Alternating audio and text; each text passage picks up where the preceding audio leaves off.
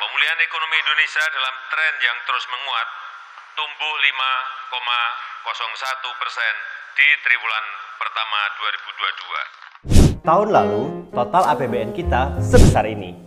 Tapi kira-kira alokasinya untuk apa aja ya? Yuk mari kita bahas. Nah Sobat Lingkungan, tahun ini menjadi tahun ke-9 di mana Presiden Joko Widodo menyampaikan pidato pembukaan nota keuangan di depan sidang tahunan MPR RI. Tapi kira-kira tahu nggak sih kenapa pidato nota keuangan menjadi penting? Hal ini dikarenakan pidato nota keuangan menjadi bukti keseriusan pemerintah dalam mengelola anggaran negara. Hmm, kira-kira ada satu hal yang menarik nggak ya dari pidato pembukaan nota keuangan Presiden Jokowi tahun ini? Apakah ada suatu gagasan baru atau justru sama saja seperti template di tahun-tahun sebelumnya? Oke, Pak Mahwan, kalau kita melihat konteks secara umum, pidato nota keuangan tahun ini, apa yang menarik dari pidato kali ini? Nah ini sangat menarik ya eh, pidato eh, nota keuangan eh, kali ini. Kenapa? Karena di saat sebelumnya waktu menyampaikan pidato kenegaraan itu sangat dinamis, beda dengan tahun-tahun sebelumnya. Menyebut beberapa hal termasuk bicara Pak Lurah, bicara politik uh, tahun politik hangat, kemudian juga bicara politik uh, apa polusi budaya gitu ya. Uh, sangat dinamis bicara yang uh, pidato kenegaraan. Tapi pada saat bicara uh, pidato nota keuangan RAPBN itu menjadi satu hal yang normatif yang disampaikan jadi seperti menyampaikan satu template pidato tahun sebelumnya hanya diganti angka-angkanya. Bicara pertumbuhan ekonomi, kemudian juga eh, apa namanya eh, bicara eh, kenapa ekonomi bisa tumbuh dengan hilirisasi hilirisasi eh, eh, industri, kemudian ada recovery ekonomi setelah eh, Covid, kondisi ekonomi global yang menurun dan seterusnya. Termasuk eh, apa sumber eh, pendapatan, anggaran eh, nasional, kemudian transfer ke daerah dan seterusnya itu eh, bisa dikatakan eh, seperti template tahun lalu gitu ya. Sehingga saya mengatakan bahwa hal yang menarik justru karena apa yang disampaikan dalam konteks situasi saat ini di mana Badan Meteorologi Dunia sudah menyampaikan kita akan tembus satu setengah derajat Celcius kemudian badan uh, eh, PBB khususnya UNEP ya, Badan Lingkungan PBB menyampaikan bahwa seluruh dunia negara-negara perlu melakukan satu perubahan uh, cepat sosial, perubahan cepat masyarakat. Itu sama sekali tidak tercermin di dalam pidato uh, nota keuangan itu. Nah, oleh karena ini, oleh karena itu ini bisa jadi bisa menjadi satu uh, pidato yang bisnis as usual, normatif melanjutkan proses pembangunan ekonomi seperti yang sebelumnya, yang tentu saja itu bisa berimplikasi pada kondisi lingkungan yang semakin buruk, e, berpotensi demikian, karena apa yang disampaikan benar-benar normatif tanpa menyampaikan atau mengartikulasikan bagaimana sebenarnya implikasi dari pembangunan yang ada itu terkait dengan persoalan-persoalan lingkungan. Nah itu itu yang kesan pertama gitu ya.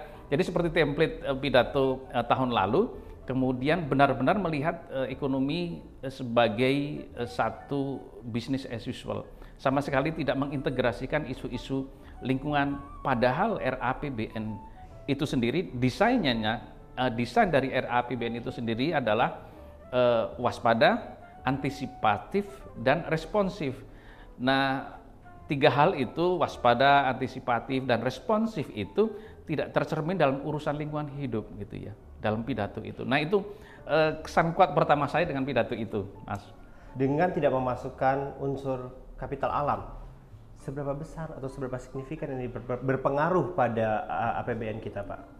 Nah saya kira begini ya, eh, memang eh, proses transformasi tidak mudah, tetapi setidaknya di dalam eh, penyampaian RAPBN ini mengartikulasi juga, menyampaikan juga bagaimana kerugian-kerugian lingkungan baik dalam bentuk nilai rupiah atau tidak dalam bentuk nilai rupiah itu perlu disampaikan sehingga itu menimbulkan kesadaran bahwa proses pembangunan itu mem mem mempertimbangkan bahwa pembangunan harus juga pembangunan yang ramah lingkungan. Kemudian tentu saja satu pembangunan ekonomi itu kan bentuk dari driver atau pressure terhadap status lingkungan hidup gitu ya. Sehingga kalau tanpa mempertimbangkan itu maka proses yang berjalan ke depan yang sedang berjalan khususnya di tahun 2023 ini maka eh, apa potensi kerusakan lingkungan seperti yang terjadi di waktu yang lalu akan terjadi di uh, tahun ini gitu ya. uh, tadi bapak juga menyebutkan bahwa apa uh, ada potensi bencana dan lain sebagainya seperti itu. Jika memang struktur APBN kita tidak agile terhadap krisis iklim, apa dampak paling seriusnya?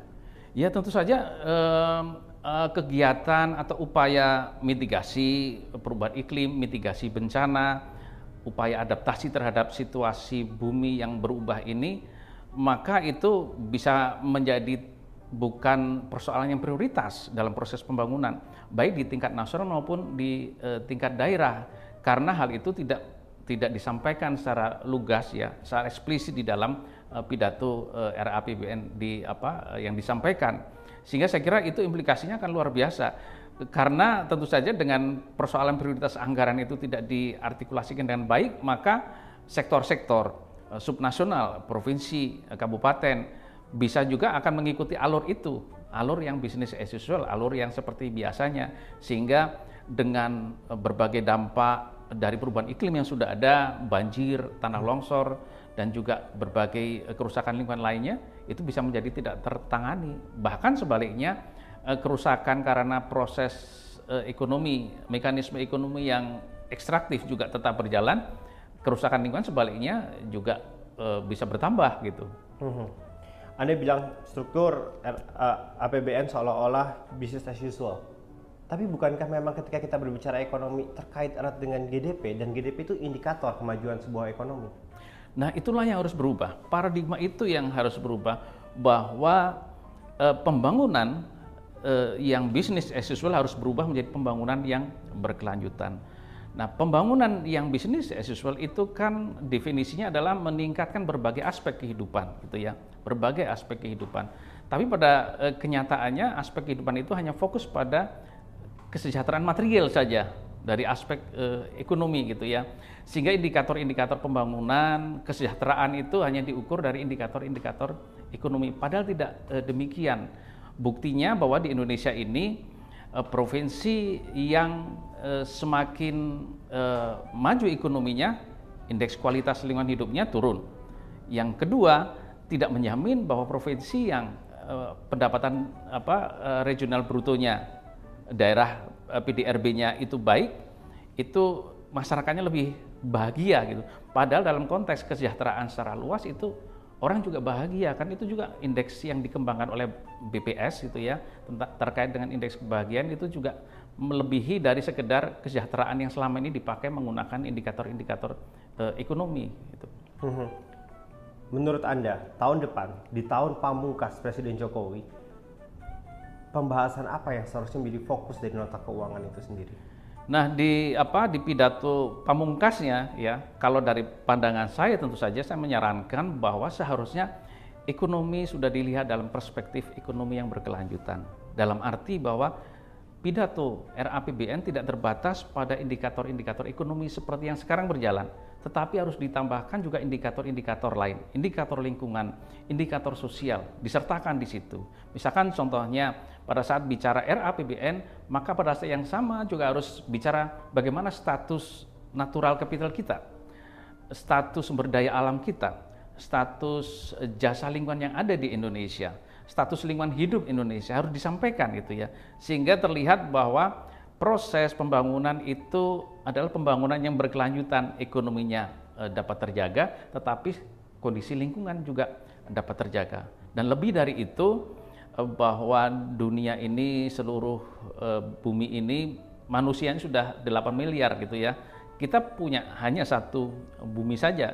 Kita harus bahagia dengan satu bumi gitu ya. Sehingga keinginan tidak jauh melampaui dari kebutuhan dasar kita sebagai manusia. Oleh karena itu di Indonesia kita perlu gunakan itu sehingga bagaimana masyarakat Indonesia eh, kesejahteraannya itu holistik termasuk aspek kebahagiaan sehingga penduduk Indonesia eh, dapat bahagia, dapat sejahtera itu dengan kondisi alam yang ada di Indonesia gitu. Kondisi Indonesia yang luasnya juga tidak bakalan bertambah gitu ya. Sehingga kita harus berbahagia dengan apa yang ada di uh, Indonesia. Jadi saya kira itu pidato ke depan harus mengedepankan uh, perspektif ekonomi yang berkelanjutan. Melihatnya tidak hanya dengan indikator ekonomi tapi juga ada indikator lingkungan dan indikator uh, sosial yang lebih eksplisit lebih kuat. Bang kalimat mendorong pembangunan dan pengembangan ekonomi hijau masuk ke dalam pidato presiden di nota keuangan tahun ini hmm. menurut Anda seberapa realistiskah kalimat itu terimplementasi dari struktur APBN kita? Kalau dilihat dari uh, pengantar pidato pengantar nota keuangan ini uh, atau uh, pengantar APBN nggak tercermin dengan jelas sebenarnya uh, apa uh, uh, komitmen untuk ekonomi hijau karena pada dasarnya uh, yang disampaikan relatively standar artinya uh, tidak mencerminkan terlalu jelas atau tidak mencerminkan politik anggaran yang mendukung ekonomi hijau.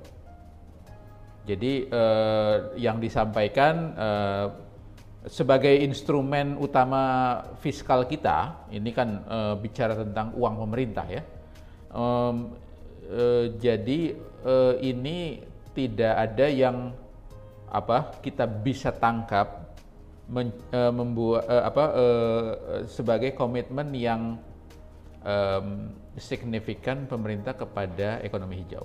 Hmm, hmm, hmm. Tapi ada nafas baru yang mungkin mencoba ingin dibuka oleh Presiden Jokowi terkait hilirisasi industri untuk Baik. bisa menimbulkan kesejahteraan sosial yang lebih merata apakah ini sebuah angin segar bagi pertumbuhan ekonomi di Indonesia atau seperti apa Anda melihatnya? Saya kira eh, tekad kuat Presiden untuk hilirisasi pertama harus diapresiasi karena ada keprihatinan bahwa kita eh, mengekspor bahan-bahan mentah kita puluhan tahun eh, dan nilai tambahnya eh, rendah tetapi memang uh, di sisi yang lain problematik. Di sisi yang lain uh, juga problematik karena hilirisasi yang dikemukakan dan dikemukakan juga pada pidato uh, pidato pagi tadi uh, adalah uh, uh, tidak apa di uh, apa uh, sebenarnya dimulai dengan uh, proses ekstraksi yang juga uh, meningkat pesat dan itu problem. Jadi uh, hilirisasi ini kan untuk mineral utamanya ya, walaupun uh, uh, presiden juga menyebutkan ada juga uh, skenario non mineralnya. Nah uh, persoalannya untuk mineral itu akan harus dimulai dari ekstraksi dan eh, apa ekstraktif ekonomi yang problematik selama ini menimbulkan persoalan-persoalan kerusakan ekologis itu malah akan meningkat karena eh, apa eh, mineralnya dibutuhkan untuk hilirisasi dan eh, dan kalau yang kita perli kalau kita cermati terjadi peningkatan-peningkatan yang eh, signifikan yang eh, karena metode ekstraksinya relatif tidak berubah atau belum berubah problem lingkungannya akan mengikuti dalam skala yang lebih besar dengan struktur APBN semacam ini Mungkin nggak ini membawa semangat Indonesia emas yang Presiden selalu gaungkan? Indonesia Emas 2045 itu kan kalau yang saya pahami itu eh, adalah mencoba membawa Indonesia ke lima besar ekonomi dunia seperti dinyatakan di pidato sebelumnya. Eh, persoalannya adalah dengan uh, sacrifice seperti apa kepada lingkungan, uh, apa yang harus dikorbankan. Uh, kalau saya lihat uh, apa faktor uh, keselamatan lingkungan, faktor krisis iklim itu nggak terlalu menjadi perhatian utama dan setidaknya tidak tercermin pada politik anggaran di eh, APBN ini. Politik anggarannya sama, tidak berubah, harusnya bisa berubah. Politik anggarannya misalnya ada referensi yang e- lebih eksplisit kepada misalnya eh, eh, kebijakan-kebijakan yang spesifik untuk eh, sebagai respons kita kepada krisis iklim. Misalnya eh, di sisi mitigasi itu eh, kita lihat walaupun di sini disebutkan eh, apa memastikan penerimaan pajak, tidak ada referensi kepada pajak karbon. Pajak karbon kita sudah diundur eh, implementasinya eh, satu setengah tahun lebih. Eh, sekarang tidak terlalu jelas kapan akan diimplementasikan. Eh, em, tadinya original schedule-nya kan di awal 2022. Eh, instrumen ini eh, walaupun kita permasalahkan juga bahwa rate-nya terlalu rendah yang ditetapkan pemerintah, sebenarnya bisa menjadi deterrence factor, menjadi eh, faktor penghambat emisi orang atau pelaku industri menjadi eh, apa eh, ada apa disinsentif kalau dia eh, membu- eh, apa membuang emisi lebih besar, emisi karbon. Nah, itu nggak jelas eh, apa eh, kapan diimplementasikan. Nah, Indonesia emas yang kita mau, saya kira adalah Indonesia emas yang juga eh, istilahnya climate resilient. Indonesia emas yang addressing atau eh, apa mengurus atau merespon secara kuat persoalan-persoalan eh, krisis iklim dan dampaknya. Ini belum tercermin di sini di di politik anggaran ini. I see. Kalau kita melihat tahun depan seharusnya menjadi tahun pamungkas dari Jokowi menyampaikan eh, pidato pembukaan nota keuangan. Apa yang harus menjadi konsen presiden di tahun terakhirnya? Kalau dari sisi eh, saya sebagai aktivis lingkungan, kalau eh, eh, eh, presiden eh, dalam satu tahun terakhirnya, termin kedua ini, em, em, beliau saya harapkan itu meletakkan eh, apa, eh, karena dia, dia kan concern sekali ya dengan penerusnya ya. Ya, kita tahu bahwa dia eh, berusaha memastikan bahwa semua ini berlanjut semua yang dibangun selama 9 dan nanti tahun depan 10 tahun ini berlanjut. Saya ingin dia juga memastikan bahwa eh, eh, faktor-faktor keselamatan ekologis, faktor-faktor keadilan iklim itu ter apa terinkorporasi kepada eh, atau di, dimasukkan sebagai faktor yang utama dalam skenario ke depan yang mungkin dia akan eh, sampaikan kepada penerusnya yang saya kira dia cukup sibuk untuk mengatur eh, eh, ini eh, eh, bagaimana siapa yang akan meneruskan em, disampaikan itu selain soal misalnya pertumbuhan ekonomi, selain soal hilirisasi, selain soal eh, apa eh, em, misalnya em, eh, reformasi ekonomi yang lain. Saya kira eh, terlalu penting untuk diabaikan pers- persoalan-persoalan krisis iklim. Em, Ibu Sri Mulyani sudah sampaikan eh, hitungannya sekian ratus triliun bila, bila eh, kerugian yang bisa timbul dari krisis iklim. Bank Indonesia juga sudah sampaikan, Bappenas juga sudah, sudah sampaikan. Ada hitungan-hitungannya em, bahwa kalau kita abai kepada krisis iklim dan dampak-dampaknya, apa yang dicapai oleh pembangunan ini bisa eh, kemudian eh, dirusakkan atau terdisrupsi begitu. Oke. Terima kasih, Bang.